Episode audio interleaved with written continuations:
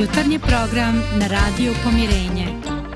Predstavit ćemo vam društvene zbivanja, aktuelnosti, životne mudrosti. Uključit ćemo i goste koji će govoriti o različitim aspektima života. Sve ćemo bogatiti dobrom muzikom. Sve to samo za vas. Jutarnji program.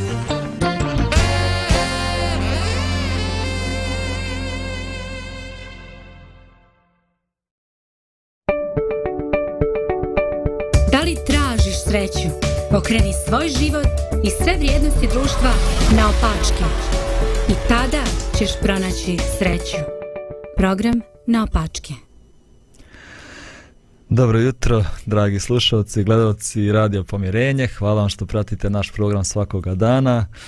Ponovo smo sa vama danas i danas ćemo razgovarati o jednoj zanimljivoj temi o zidovima koji dijele ljude i kako srušiti te zidove podjela među ljudima. Ali evo prije toga da pozdravim danas u studiju moju koleginicu Lidiju. Pozdravljam ja tebe Božo. Dobro. Kako si, jesi dobro? Dobro, hvala. Kako Odlično. si ti? Super. A, naše ostale kolege danas Dragana neće biti sa nama. Zdravka, očekujemo da nam se uključi iz Srpca, gdje, se, gdje on inače živi, tako da ćemo ga malo i sačekati da se on uključi, ali eto i prije nego što on dođe, mi možemo da počnemo našu, našu temu za danas. Lidija, ne znam da li si, kad si zadnji put putovala avionom? Pa ima 5-6 godina. Dobri. 5-6 godina. Da, u planu nam je sad ponovo uskoro, ali pa, ima jedno 5-6 godina. Dobro, nisam nija zadnjih godina baš tako često putovao avionom, ali se sjećam, kad god sam putovao avionom, uvijek me to strašno nerviralo kad uđem u avion i ono mi jadnici idemo tamo u ekonomsku klasu, a ovi sjede tamo naprijed, imaju posebne stolice, ne guraju se kao mi, mi onako svi zgurani sjedimo. Yes. Oni tamo jedu iz kristalnih nekih tanjira, posebna jela Fino mi piće. a mi tamo neke sendviče jadne ovaj jedemo. I čim čim poleti avion odmah se zavjesa spušta tako da ne možeš ni da vidiš šta se dešava tamo u da. tom dijelu aviona. I možda ta zavjesa eto nek nam posluži kao jedna ilustracija danas za ovu našu temu. Simbol naše sklonosti da isključujemo i da razdvajamo. Da postoje ljudi koji su prva klasa i da postoje nažalost i ljudi koji su neka ekonomska klasa, tako da ih nazovemo. Jedan pisac C.S. Lewis napisao je knjigu koja se zove Unutrašnji prsten. I u toj knjizi on govori da u svakom društvu, u svakoj školi, na svakom radnom mjestu postoje male grupe ljudi koje su unutra, to su grupe za prvu klasu, grupe za odabrane, grupe koje ti donose status i prestiž u društvu. I on kaže kako je čežnja svakog čovjeka da bude dio tog unutrašnjeg prstena i strah da će da ostane vani.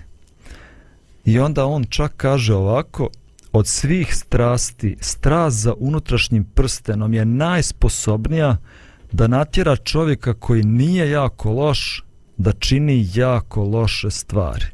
Znači ta naša čežnja da pripadamo tom unutrašnjem prstenu nekad dovede do toga da činimo jako loše stvari da bi smo pripadali. Pa evo ne znam Lidija, da li se ti nekad u životu osjećala odbačeno, izostavljeno, izvan tog kruga koji je bitan i važan? Jesam, Jesam, zato što a, mislim da to ima možda veze i sa nekom našom prirodom, onako kakvi smo mi. A, ja ne znam sad kako me ljudi doživljavaju, verovatno se stvari neki menjaju tokom godina, ali recimo kad sam bila mlađa, a, s obzirom da imam dva brata, oni su blizanci, oni su odvojih bili nekako sve za sebe. Oni su se lakše i probijali a, među društvom, u društvu generalno su bili onako, da kažem, prihvaćeniji. Ljudi su ih poznavali, znali su ko su oni, šta šta si, šta su, ali nekako ja sam uvek bila povučenija zato što imala, imala sam osjećaj da nikoga nema da mi krči put ovaj, nekako sam uvijek sama morala, pa i u školi kad sam bila, um, nikad nisam nekako pripadala tom nekom krugu, znate da, znaš ono, Bože, sigurno si ti ima u razredu, ne znam, ono, grupu dece, dvoje, troje koji su baš popularni, pa imaš one srednje što tako se priklanjaju tamo, vamo, tako se druže, imaš one koji su baš odbačeni. Pa dobro, nisam baš bila u potpunosti odbačena, ali sam često pripadala toj ne baš tako popularnoj grupi, ali sad da li mi je to smetalo ili nije? Kako kad, mogu ti reći? Znači, nekad mi je smetalo, nekad nije, ali ovaj, mm, šta znam, nije uvek lep osjećaj. Volimo da pripadamo nekako grupi, društvu, um, šta ja znam, Sigurno, Lijep je to sigurno. osjećaj. Da, da. A evo i Zdravko nam se priključio. E, pozdravljamo, pozdravljamo i Zdravka. A ne čujemo te Zdravko, samo te vidimo, nadamo se da ćemo te uskoro i čuti. Okay. Dobro, ja sam isto imao u srednjoj školi gdje sam ja bio, postoje također taj neki unutrašnji prsten. To su bilo, to je bilo, mi smo zvali krem društvo. To su bila djeca bogatih roditelja Da. koji su to ne znam, u našoj školi je to bilo, ne znam da li, vjerovatno nije u svim školama tako bilo, ali u toj školi gdje sam ja bio, bila su tako djeca koja su uvijek nosila uh, Levis, farmerke, Ribok, patike, Mm. parfeme neke skupe su nabavljali, znači ja, ja kad sam došao tamo, ja nisam, ma ja nisam ni znao kakve se parfemi sve kupuju, ali da bi pripadao toj grupi, morao sam i ja da kupujem sebi, ne znam, Chanel, parfem i da nosim Levis, farmerke, iako to nije bio neki standard mojih Da, roditelja, ali eto, sve sam to morao da radim da bi pripadao, u grupi. Yes. pripadao grupi. Zdravko, da li ti nas čuješ? Mi njega o, ne čujemo, ne, pretpostavljam da on nas čuje, ali a, morat ćeš nešto da ipak ovaj, malo još tu ovaj, pogledaš o čemu se radi, ovaj, da bismo te čuli. Dobro. Ja pretpostavljam da i vi, svi naši dragi gledalci i slušalci također razumijete u priču o kojoj pričamo, da i vi imate na vašem radnom mjestu ili u školi ili čak možda i u vašoj crkvi neke grupe koje su posebne, koje su bitne i da nije tako lako ući u tu grupu. Ali evo danas ćemo malo govoriti o tome, spomenut ćemo jednu zanimljivu priču, jedan događaj iz Biblije koji nam govori o dve grupe ljudi i o tome da treba možda da rušimo te zidove koje nas dijele. A prije toga imat ćemo jednu muzičku pauzu, pa onda nastavljamo dalje.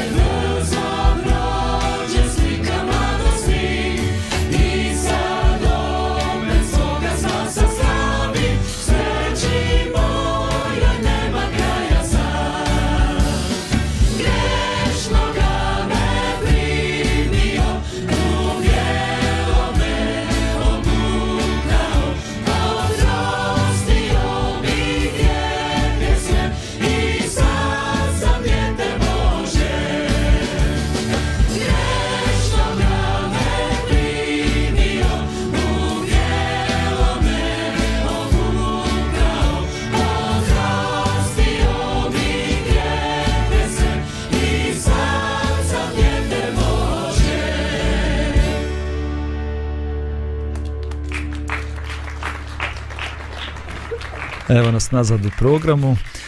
Razgovaramo o zidovima među ljudima, zidovima među kulturama, zidovima među religijama, među prijateljima. Ima jedan događaj koji je zapisan u Evanđelju po Mateju 15. glavi koji govori o tome, a kaže ovako Onda Isus ode odande i povuče se u Tirski i Sidonski kraj, a jedna Hananka iz tog kraja izađe i povika Smiluj mi se, gospode, sine Davidov, kćer mi je opsio demon i ona se strašno muči. Isus joj ništa ne odgovori, pa mu njegovi učenici priđoše i počeše da ga mole. Otpusti je jer neprestano viče za nama. A on im odgovori, ja sam poslan samo izgubljenim ovcama doma Izraelovog. Tada žena priđe Isusu i pokloni mu se govoreći, Gospode, pomozi mi. Nije pravo, reče on, da se od djece uzme hljeb i baci psima. Da, gospode, reče ona, ali i psi jedu mrvice koje padnu sa stola njihovih gospodara. Velika je vjera tvoja, ženo, reče joj tada Isus, neka bude kako želiš. Istog časa njena kći ozdravi. Kad sam prvi put pročitao ovu priču, bila mi je jako, i ovaj događaj bio mi je jako zbunji, zbunjujući, zato što je nekako izgleda potpuno suprotno svemu onom što Isus inače govorio i radio. Ne znam kako je to tebi, Lidija, izgledalo ili Zdravko, ako nas čuje Zdravko. Da, zdravko čuje. Čujemo i mi tebe, Zdravko. E, pozdrav. Evo napokon. da, da, da, da. Evo ja sam živo učestvovao, učestvovao sam slušajući vas i mogu reći da mi je, da mi je zanimljivo. Posebno ovaj zadnji primjer me ovako baš uh, duboko je potres. Ovo želim, ovaj Božidare što si ti priča. Da. O patika, ribog patikama, jel to misliš? Ma ne mislim nego na ovo i psi jedu od mrva. Aha, misliš na ovo što smo čitali, okej. Okay. Da. Pa zvuči poprilično okrutno, iskreno, onako na prvo kad Da. slušaš stvarno, za, za, za Isus tako nešto da kaže, mislim, Isus nekako prihvata sve i onda kaže tamo da jede mrve, jel, mislim, stvarno baš nekako ne liči na Isusa uopšte. Pa ne liči na Isusa, ali liči jako na ono što je bilo dominantno doživljaj svijeta o, o Isusovih učenika i svih ostalih u okolini. Jer ovaj svako uh, približavanje nejevrejske osobe uh, bilo kome ko je imao status učitelja je pod, izazivalo podozrenje, mislim bilo kom jevrejnu, jer oni su za njih bili nečisti a pogotovo nekome za koga su pretpostavljali ili sumnjali da ima proročki dar. Dakle, čovač, jel ti ne vidiš ko je te prišao, kakva je to žena? Isto imamo uh, slučaj kad žena budnica ovaj, pere noge Isus. Isti slučaj imamo strahovitu, strahovitu sablaza. I ovaj, mi vidimo da ovdje i kao na mnogim drugim mjestima uh, Isus se ne suprostavlja dominantnoj predrasudi nego ovaj ponavlja dominantnu presudu da bi negde duboko u srcu znajući ovu ženu i vjerojatno kakav je njen stav poniznosti da bi duboko u srcu uzdrmao njihovu predrasudu. Dakle, on priča ono što oni očekuju da se kaže, ali ona prevazilazi sva očekivanja, ona pristaje status, pristaje na to da je se uh, doživi kao pseto, ona je zadovoljna s tim, ona kaže Božja trpeza je ogromna, ja se nadam i bit ću sretna ako neka mrvica padne, hmm. padne za mene. Dakle, ovaj želim, ovaj malo sam se uključio, pa sad kao da hoću da dokladiti Boštare. Ovaj danas postoji takođe svijest u kome ljudi ovaj eh, zbog pripadnosti svoje zajednice smatraju da su oni eh, posebni i sa određenim prezirom se odnese i doživljavaju ovaj sve druge. Ja bi takvima gdje god da se nalaze u velikim tradicionalnim zajednicama ili u malim ekskluzivističkim poručio ovaj samo jedno. Ima puno primjera u Novom Zavjetu gdje Isus susreće takve outsidere i kaže ne u Izraelu ne nađih toliko vjeri. super, super, hvala ti Zdravko. Ovaj, a dobro, ajde malo ćemo da se, da se udubimo u ovo što si ti rekao, definitivno ja to isto tako vidim, ova priča koja mi je bila nekad zbunjujuća, sad mi je postala jedna od najomiljenijih. Baš zato što je poruka takva kao što si ti već rekao.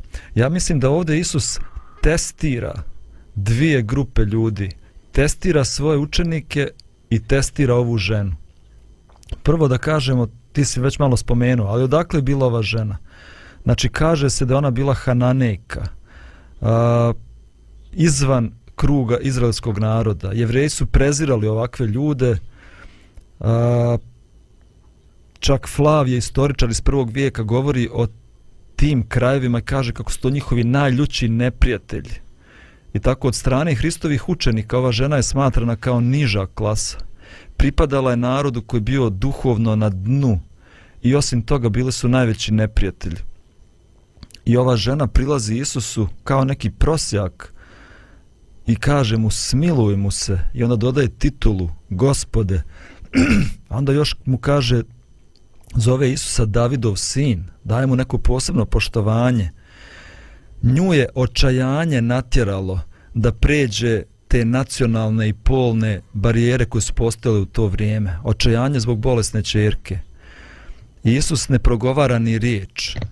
Čerka ove žene u strašnim mukama obraća mu se s poštovanjem i poniznošću, a on se ponaša kao da je uopšte nije čuo ponaša se i odgovara s očiglednom indiferentnošću i odbacivanjem.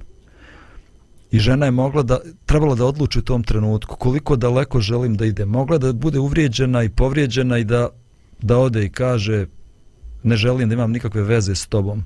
Kako će ona reagovati? Dokle će, koliko daleko je spremna da ide?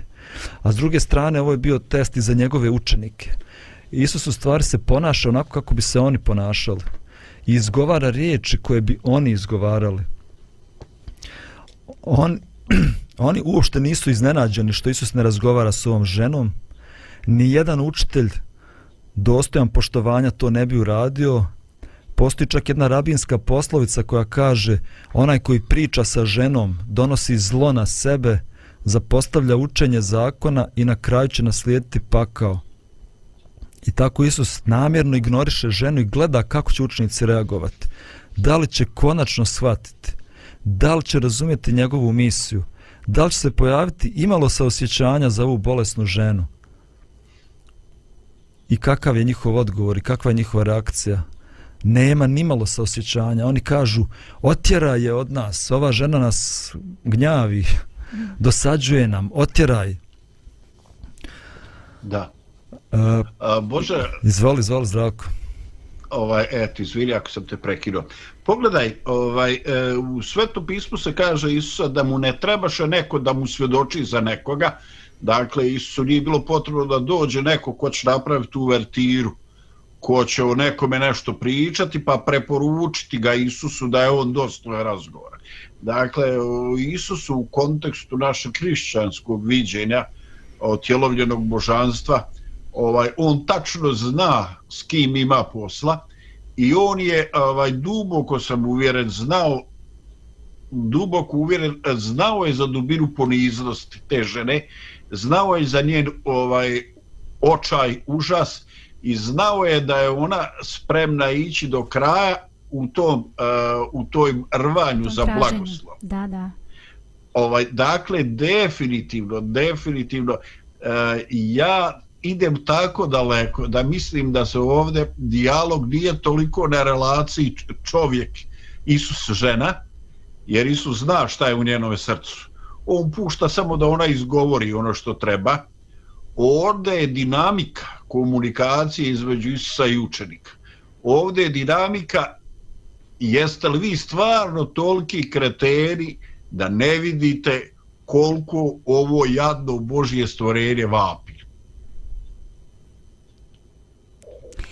I to je. Da, ja evo, razmišljajući sad, dogovoriš ti zdravko, setila sam se primjera također biblijskog gdje, je, gdje, su, gdje su došla deca da, kod Isusa I sad Isus je pružio ruke ka njima da, da ih prihvati, međutim učenici kažu ma tim majkama dajte tu decu malo skloniti se strane, nema Isus vremena sad za njih, ima on bitne stvari da rešava.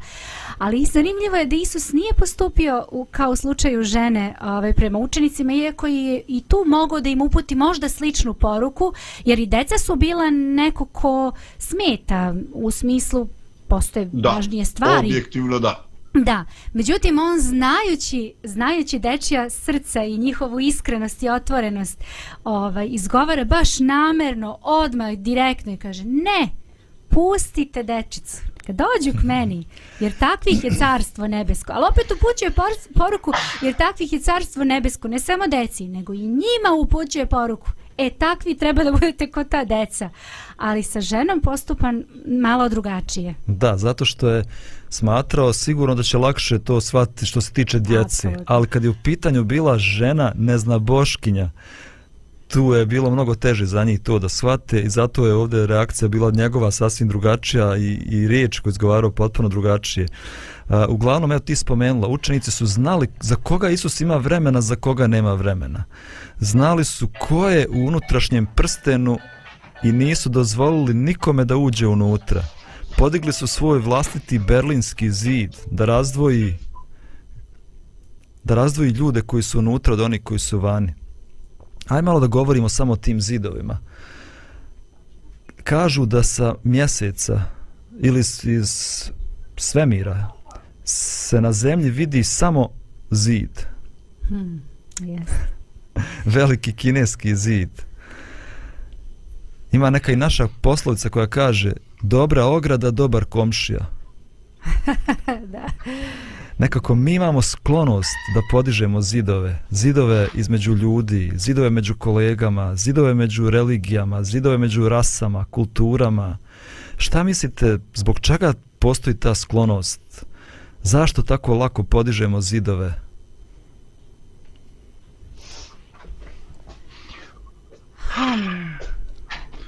Pa ovaj, čovjek otkad ga valjda jeste bilo koje oblasti života da govorimo želi da napravi sistem ovaj, dakle postoji nešto što je otkrivenje što je inspiracija. Čak i religiozno otkrivenje je nešto što jako podsjeća na umjetnički dar. To imaš danas ali pitanje hoćeš li imati sutra. Dakle, ljudi žele da nešto sistematizuju, da bilo kakvu ideju, bilo koje religioznosti, bilo kakvog ideološkog i opredeljenja, da ga definišu, da naprave neki kapital, je tako? I da kažu, evo, to je to, sjeli su umni ljudi, jedan ili više njih i definisali su. Dakle, i uvijek je ta definicija šta to jeste i šta to nije. Ovaj jednostavno e, to je nešto što se ne može zaobići. Tako stvari funkcionišu. I ovaj interesantno skoro sam slušao jedan ovaj jedan izraz gdje kaže svijet će biti dobro mjesto za život kada se sve oni blagoslovi koji su dati istoku i zapadu kad se na neki način integrišu. I zašto kaže? Istok je prostor otkrivenja. Sve velike religije su nastale na istoka judaizam, hrišćanstvo i islam. Ali zapad je mjesto civilizacije, mjesto gdje je sistem se definiše, gdje se to če, sve pretvara u jednu stabilnu ovaj osnovu. I onda čovjek u, u susretu s tim jednostavno ja sam vidio ovaj e, ne možeš se uzdati u inspiraciju, želiš nešto da sistematizuješ. Ali sistematizacija bez duha nas ne vodi nikud. Ovaj, I mislim da je to nešto što je jako, jako prirodno. Da mi imamo potrebu da definišemo e, bilo šta što jesmo, svoj identitet, po definiciji onoga što jesmo. Nažalost, mi često identitet identifikujemo i kroz ono što nismo, u odnosu na nekoga s čim se ne želimo poistovjetiti. A često su to nama najsličniji i najbliži. Mhm. Pa n- evo ja ću možda malo sa druge strane onako prići, ovo mi onako čini mi se, bar kako ja ovaj sada čujem, onako malo ideološki, A za mene ja razmišljam o praktičnoj strani onoga o čemu smo pričali možda i od samog početka i sećaš se Božo kad sam ti rekla na početku da, da nije lako, da želimo da pripadamo nekoj grupi koja je prihvaćena, koja je onako popularna, volimo. Mislim, ruku na srce može mi kaže ne, ne, ne, ne, ali volimo. Volimo da smo deo neke grupe. Juče smo Bojan i ja, suprug moj i ja, uh, išli, gledali smo, ovaj, gledali smo neke vikendice i a, evo reći vam, znači dve smo pogledali juče. Jedna je bila onako na finom mestu, a, fina voda, međutim vikendice je bila jako loša, u jako lošem stanju i nekako su ljudi onako bili ne znam kako bih vam rekla, vidi se nekako da uopšte nisu marili, da nisu vodili računa i nešto nam se baš nisu dopale, ali dobro sad manje više ovaj, ljudi, ali nekako sve to ukupan dojam nam nije bio baš fin.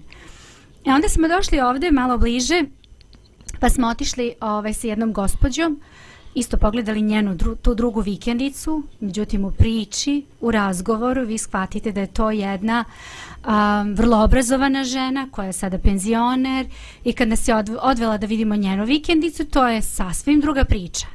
Ona je nama govorila kako tu u okolini žive doktori, žive advokati, ne žive, nego imaju svoje vikendice, pokazuje nam priča. I znate, kad su u društvu takvih ljudi, uh, Uh, vidjeli smo mi to sve, smo mi pogledali, ali sam taj utisak na koji ostavi takva jedna osoba na vas, vas nekako privlači i vi želite da budete u blizini takvih ljudi. Zato što ako su to ljudi koji su poštovani, koje ljudi vole inače, pa volite da budete sa njima, jel? A nekako ljudi koji tako, eto, nisu nešto, pa onda vam nije baš tako drago. Tako da ja mislim da, da generalno ovaj, uh, mi ljudi ipak klasifikujemo društvo sa kojim ćemo biti i sa kojim živimo i sa kime bismo volili da budemo u nekoj blizini. Aha, sad kad ste ovo pričala, sjetio sam se onog jednog vica kao a, doktor jedan napravi, počeo da gradi kuću i odmah pored njega kupi plac cigo. I on počne da gradi. I kako god doktor gradi tako i cigo. Doktor temelj, cigo temelj. Doktor prvi sprat, cigo prvi sprat. Doktor neku ogradu stavi na terasu, cigo isto tako ogradu. Znači, šta god doktor uradi, tako i cigo. I veliku kuću sagradio doktor, veliku kuću sagradio cigo. I sad cigan ima desetoro djece tu i doktoru se ne sviđa da živi tu s njim. I on prodaje svoju kuću i kuća košta 200.000 maraka stavi tablu, prodaje se kuća za 200.000 maraka. Kad stavi cigo tablu, isto prodaje se njegova, ali za 500.000 maraka. I on dođe njemu i kaže, pa kako sad ti sve radiš što ja, ista kuća ko moja, ja moju 200.000, ti 500.000. Pa kaže, jeste, ali ti prodaješ kuću čiji je prvi komšija cigo, a ja prodajem kuću čiji je prvi komšija doktor. e, ovo je baš bilo, da. Je, realno, to je tako. Da, dobro. Znači, ne Aha. možete bez ideologije. Šta kažeš, Lidi? A, ne može se uvijek život da se vrati na... Da, neke... da, da. dobro, ajde napravit ćemo još jednu malu muzičku pauzu pa ćemo da nastavimo priču i vratimo se a, ovom događaju o kome razgovaramo. Može.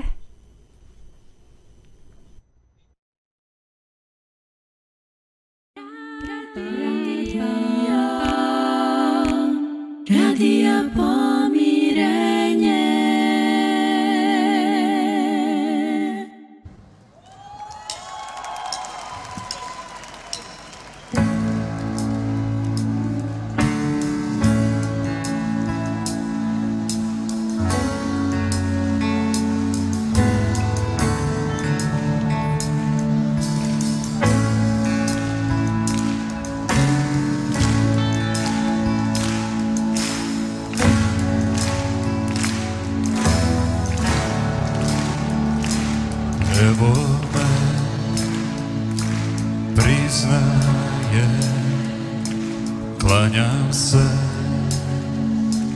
predaje Bez tebe. Gubim se Ti si ta.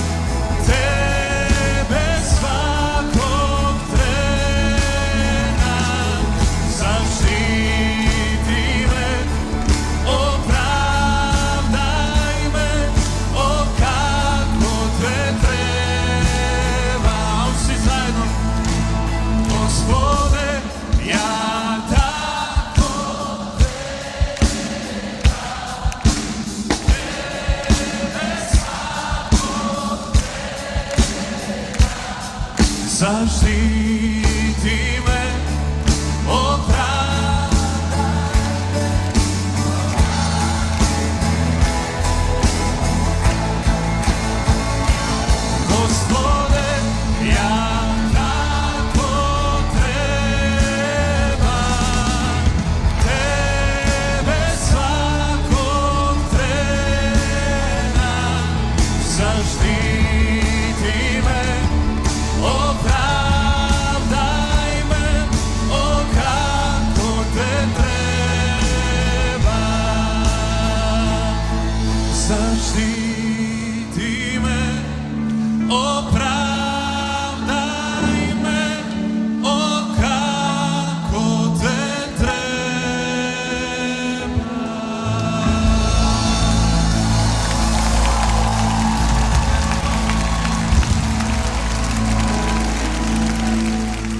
Evo nas ponovo u našem programu, emisija Kako rušiti zidove podjela.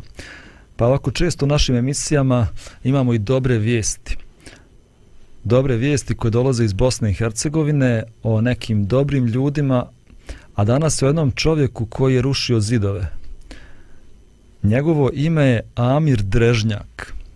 Amir Drežnjak je efendija u selu Lizoperci u Jablaničkoj općini. I ovaj Efendija Amir već godinama unazad svake nedelje vozi svoje komšije katolike iz susjednog sela Slatina na misu u selo Gračac, u kojoj drži megdebsku nastavu. A sve je počelo tako jedne nedelje kad je on išao na svoju megdebsku nastavu, a njegove komšije ka, kazali mu da nije bilo autobusa i stoje na stanici i čekaju autobus. I on kaže, ajde ja ću vas odbaciti. Sljedeće nedelje on opet ide, opet njima ista stvar, nema autobusa. I on njima kaže, ma ljudi, ma nemojte više se mučite s tim autobusima, ja i onako svake nedelje idem tamo i svake nedelje možete sa mnom da idete na misu. I tako Efendija Amir svake nedelje vodi svoje komšije, vozi svoje komšije katolike na misu. I čak jedna od tih njegovih komšinica, kad su je pitali na jednom skupu Franjevačkog svetog reda, u stvari ona im je rekla kako nju hođa dovodi na misu i oni kažu kako je to moguće te hođa dovodi. Da, da. Pa kaže naš hođa Amir lijepo živi s nama, iako je rad bio, mi se poštujemo i volimo i svake nedelje on nas vozi na misu u crku. Evo evo jedan lijep primjer nekoga ko se uzdigao iznad svoje sredine, nekoga ko je bio spreman da sruši zidove i da kaže, ma nije me briga šta će neki, mo, neki neprijatelj možda reći ili šta će ljudi reći, ja ću raditi ono što smatram da je ispravno. Zdravko, imaš neki, imaš neki komentar? Jel, jel, jel sam li tu? Jes, Već je. sam pomislio da, da ste me izgubili. Kao siroče. ovaj, da, ovaj, ja srećem, ja srećem dosta takvih, ovaj, dosta takvih primjera i one me ovaj fasciniraju. I ovaj ta širina se ovaj e, pojavljuje i ta širina dobija svoj puni značaj upravo kad su ovaj kad se dobrota izražava prema osobama druge vjere e, prema ovaj onima e, prema kojima postoje stereotipi. Ovaj jer kaže u Svetom pismu ako samo ovaj braću svoju dobro činiš, onda šta si bolji od neznabožaca. Dakle, e, čovjek je pozvan da zagrli Božju tvorevinu, da u svakome čovjeku vidi Božje stvorenje. E sad, ako su neke stvari drugačije doktrinalno u našoj glavi poslagane, pustimo nek Bog odredi i nek on kaže ko je tu šta zglajzo, ko je pogriješio. Ovaj, e, ja bi njemu ostavio to, jer mislim da je nama ostavljeno da živimo, da se trpimo ako ne možemo bolje, a gdje god je moguće da živimo malo tog dobrog komšijskog odnosa. Slažem se, slažem se s tobom. Dobro, evo vraćamo se na događaj o kome danas razmišljamo, susret Isusa i njegovih učenika sa jednom ženom, neznaboškinjom, Hananejkom. A, govorili smo da Isus testira svoje učenike, u stvari govori ono što bi oni govorili i ponaša se onako kako bi se oni ponašali, želeći da izazove u njima osjećanje a, koliko je to koliko je to suludo i koliko je to loše što misle. I čeka da vidi kako će oni reagovati. I tako žena je uporna uh, moli za svoju čerku a Isus indiferentan a onda čak i više od toga kaže ja sam poslan izgubljenim ovcama doma Izraelovog. Zašto ovo Isus kaže? Na drugim mjestima je jasno govorio da je došao za cijeli svijet, da ne želi da bilo ko bude izgubljen. A ovdje kaže, ja sam poslan izgubljenim ovcama doma Izraelovog. Pa možda je, možda je ovo priča koja je, koja je ovaj prilično kompleksna. Jer e, čitajući o načinu na koji tog Božijeg projekta od Adama na ovamo, ovaj mi vidimo da imamo ovaj porodicu, da imamo Abrahamovsko nasljeđe i dva velika naroda i dvije velike vjere koje izlaze iz Abrahamovog naručja od Sare i Agare. I vjerujem da je većina ljudi to poznato. Ovaj, I uvijek je to, ovaj radi se eh, o ekskluzivizmu, znači eh, tako je bilo, tako se posmatralo. eh, u hrišćanstvu dolazi prvi put eh, E, do nečega što prevazilazi e, teoriju tla, krvi, plemena. E, I postoji znači ta ideja duhovne pripadnosti.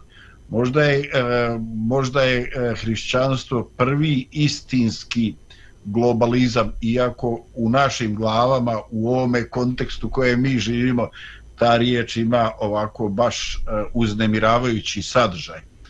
A, ovaj, e, I nemojmo zaboraviti e, da čak jedan od crkvenih sabora e, primjećuje tu napetost između tog univerzalnog pravila hrišćanskog gledanja i toga nekog zatvaranja u svoje krugove i e, jedan od kanona je e, protiv etnofiletizma, znači ovaj, e, crkva se, vjera se ni na koji način ne smije e, svesti u neke okvire plemenske, iako se ona može organizovati i živjeti u tim kulturnim okvirima. Ali se ne može nikad limitirati. Mhm. -hmm. Dobro, e, meni također pada na pamet, kad sve spomenješ Avrama, um, tamo Bog poziva Avrama, meni je to uvijek zanimljivo da čitam i Bog njega poziva i kaže učinit ću od tebe veliki narod, a onda mu kaže zbog čega će to učiniti, kaže da bi svi narodi bili blagosloveni kroz tebe. Kad Bog da, pozove dakle, nekoga, to nije da bi samo on imao Boži blagoslov, nego da bi kroz njega drugi imali blagoslov. A nekako mi uvijek to gledamo skučeno, uvijek gledamo da samo ja imam blagoslov ili da samo moja grupa ima blagoslov. Ovaj, e, jasno je to i vjerujte, nismo se mi mnogo ovaj odmakli od Isusovih učenika. Ovaj, dakle, e, ja sam već spomenuo izraz, bilo da se radi o tradicionalnim crkvama ili o protestantskim zajednicama ili tako. Ovaj, e, činjenica je da taj sindrom e, posmatranja Božih slugu terminom krda, stada, čopora, zatvorenih cijelina, ovaj, jako dugo opstaje u svijesti. Iako kad gledamo najbolje i najdublje teologe, eh, mi vidimo da je eh, carstvo se ne zatvara u grupi, nego je ono ograđeno eh, granicama blagodati. Ovaj, I onda je nalazimo već u starom zavjetu, ovaj, tamo u kući kapetana, svi pri, e, primiše duha svetog. Tako, sve je go ne zna božac. A onda sretnu učenika Jovara Krstelja i kaže, ovaj, pričuje im taj događaj i ovaj pitao jeste primili duha svetu? Kaže molim šta? Ko no i mi ne znamo da ima duh sveta e, dakle e, pitanje otkrivenja ovaj bog nešto da definitivno nekoj grupaciji ali njegova ljubav prema svim grupama ljudi opstaje i on bog se trudi da svakom narodu donese nešto što će mu ovaj omogućiti da i ole dostojanstveno e, živi i da ne promoviše zakone koji će na neki način uništavati e, Boži lik u čovjeku. Ovaj, dakle, e, ja sam jako sklon da umjesto tih granica i unutrašnjega prstena gledam Božju blagodat koja zaista grli sve ljude. Amin. Što ne znači da smo svi u pravu. Da. Razumiješ me? Ne znači da smo svi u svemu pravu. Ali ovaj ja bi radije da budem u Božim očima dobrica, a da nisam u pravu, nek da budem ovaj u pravu, a da sam fukara. da, da, slažem se s tobom. Znači, ovdje, ovdje u ovom događaju vidimo uh, Eh, stav učenika i uopšte izraelskog naroda tog vremena, mi smo Boži miljenici. Eh, Bog je zainteresovan samo za naš narod, samo za, za našu religiju. On nema šta da traži sa i nema nikakve zainteresovanosti niti ljubavi prema onima koji su izvan tog našeg kruga. Ali ovdje s druge strane vidimo i ovu ženu. Kako ona reaguje? Na, čak na ovakav jedan stav. Isus indiferentan, pa onda kaže ja sam poslan samo izgubljenim ovcama doma Izraelova. Kakva je njena reakcija? Kaže ovdje, ovdje u tekstu piše kako je ona pala na svoja koljena i kaže gospode smiluj mi se. Ona ne odustaje. Čak i kad ne razumije čak i kad nema odgovora ona ne odustaje i tada. Možda je to i ovo neka, neka pouka i nama. Koliko smo mi često spremni daleko da idemo sa Bogom, kad ne vidimo odgovor. Moliš se za nešto i nema odgovora. I odustaneš brzo. Nekako Bog cijeni tu osobinu kod ljudi kad ne odustaju. Mm, da, da, da. Mm, to mi je fascinantna poruka Božja koju nekako upućuje nama, a to je da, da nas Bog kroz različite životne situacije vodi i uči, pa i kroz neo, kako mi to vidimo s našim očima, našim očima u stvari, ne odgovora na molitvu. Um, mi nekako volimo, volimo da i, idemo onim putem. Znate kako ono, moliš se, dobiješ odgovor, zahvališ. Moliš se, dobiješ odgovor, zahvališ. Je- Servis. Se, e, apsolutno, da. Servis. Da. Kao odeš, naručiš picu, pojedeš i super, zahvališ se, odlično, sve je bilo super. sutra Ostaviš opet- bakšiš. Da, ostaviš bak. Da, kod Boga nema bakšiša, ali, ali činjenično stanje, činjenično stanje je da je realnost sasvim drugačija. Zašto? Zato što nas Bog na različite načine vodi, uči nas, e, zašto Bog ne odgovara možda onako kako bismo mi hteli i u trenutku kad mi hoćemo? I zašto ne trebamo da odustanemo od molitve? A, pa zato što postoji razlog zašto Bog ne odgovara ili ne odgovara tad u tom trenutku. Um, postoji razlog. E, možda, možda naša molitva nije ispravna. Možda Bog hoće da nas nauči s vremenom da shvatimo da ta naša molitva nije ispravna. I možda Bog hoće da kaže čekaj, nije sad trenutak, moli se i dalje, budi uzme. Jer molitva nije zbog Boga, pa zna Bog šta nama treba pre nego što tražimo od njega, ali, ali molitva je zbog nas, da mi ostanemo u toj vezi sa Bogom, da smo mi u stalnom tom kontaktu sa njim i da ostanemo nekako povezani um, kada je u pitanju neko naše traženje i, i- i nešto što mi zaista želimo i trebamo. A, ali to neodustajanje mi je stvarno fascinantno kod žene. Znači, pored svega, umjesto da se obeshrabri, razočara da ode i da kaže nikad više, znači, ona ne posustaje. Kaže, ali i kaže, deca, psi dobijaju, kaže, mrvice tamo sa stola. Znači, ona sebe smatra da je ona ta koja I pored svega toga što ovi sve dobijaju, sve blagoslove od Boga, super, super, ali ja ću valjda nešto nekih tih mrvica dobiti s tvoje strane. Da. Ovaj, ne može čovjek da se duboko ne pokloni ovoj vjeri.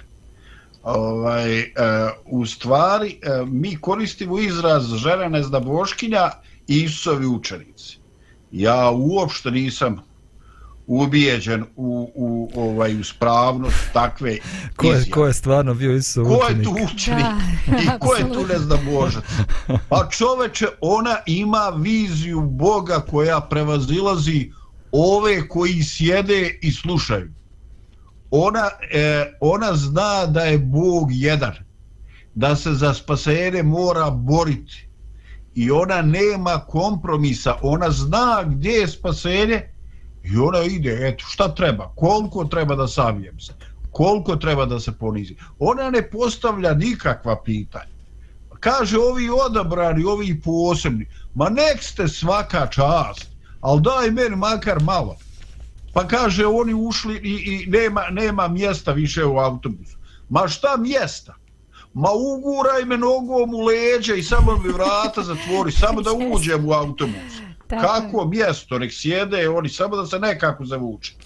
Tako i ona, ovaj, ja definitivno mislim da ovdje se ne radi o neznaboškinji.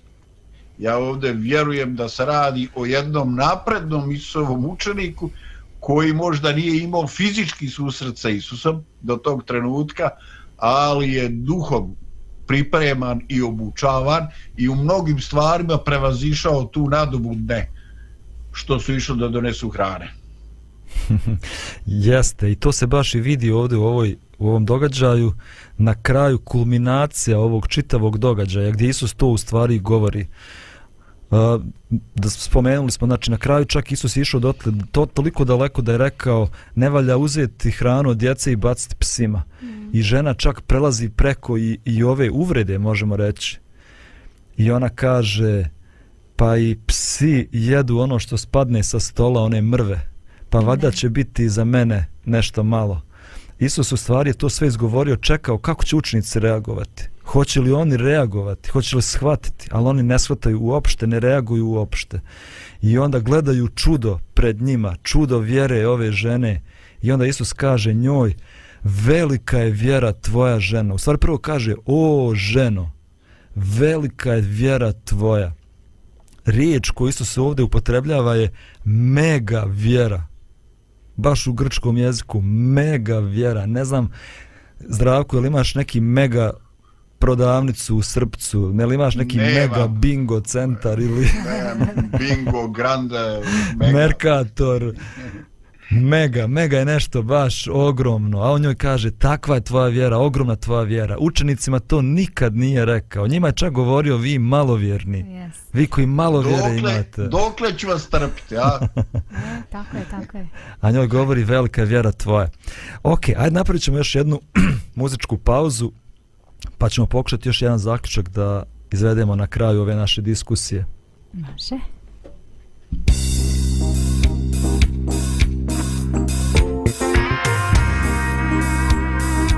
Radio Pomirenje.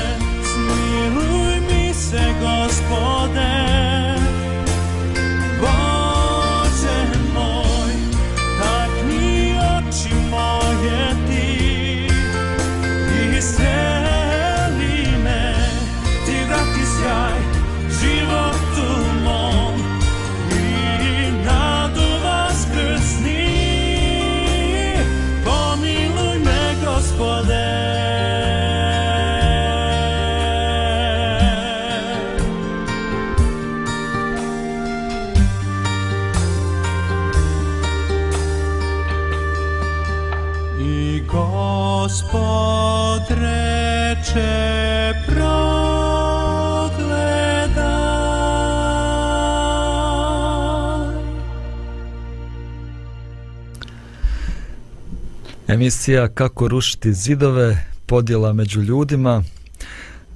rekli smo već kulminacija priče, žena je ona koja ima mega vjeru za razliku od učenika koji su smatrali da su oni pravi vjernici, da su oni Boži miljenici, da oni znaju sve o Bogu.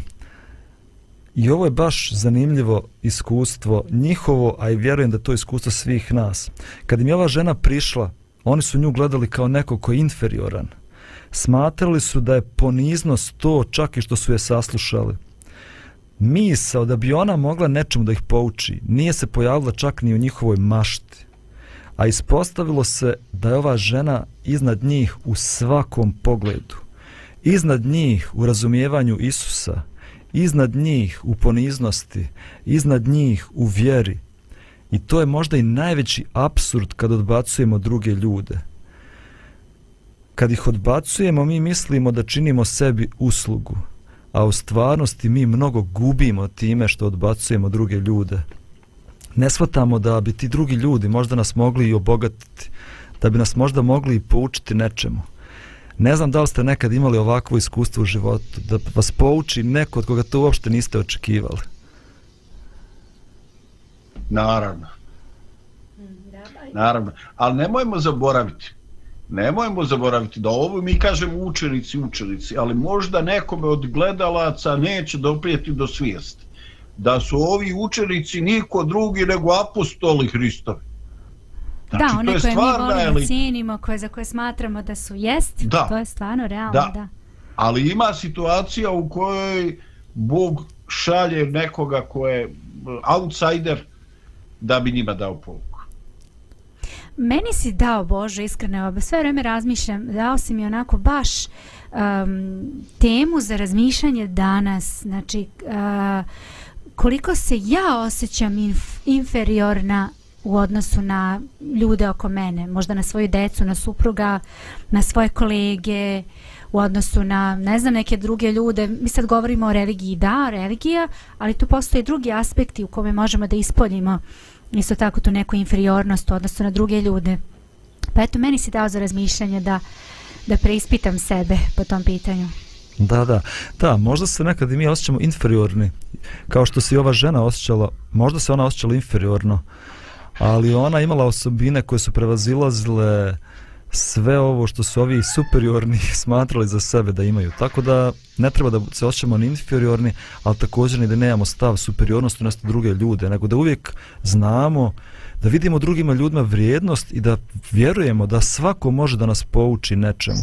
Mm. Pa makar koja etiketa bila na njemu, bio on unutra ili bio on vani, ali od svakoga možemo nečemu da se poučimo.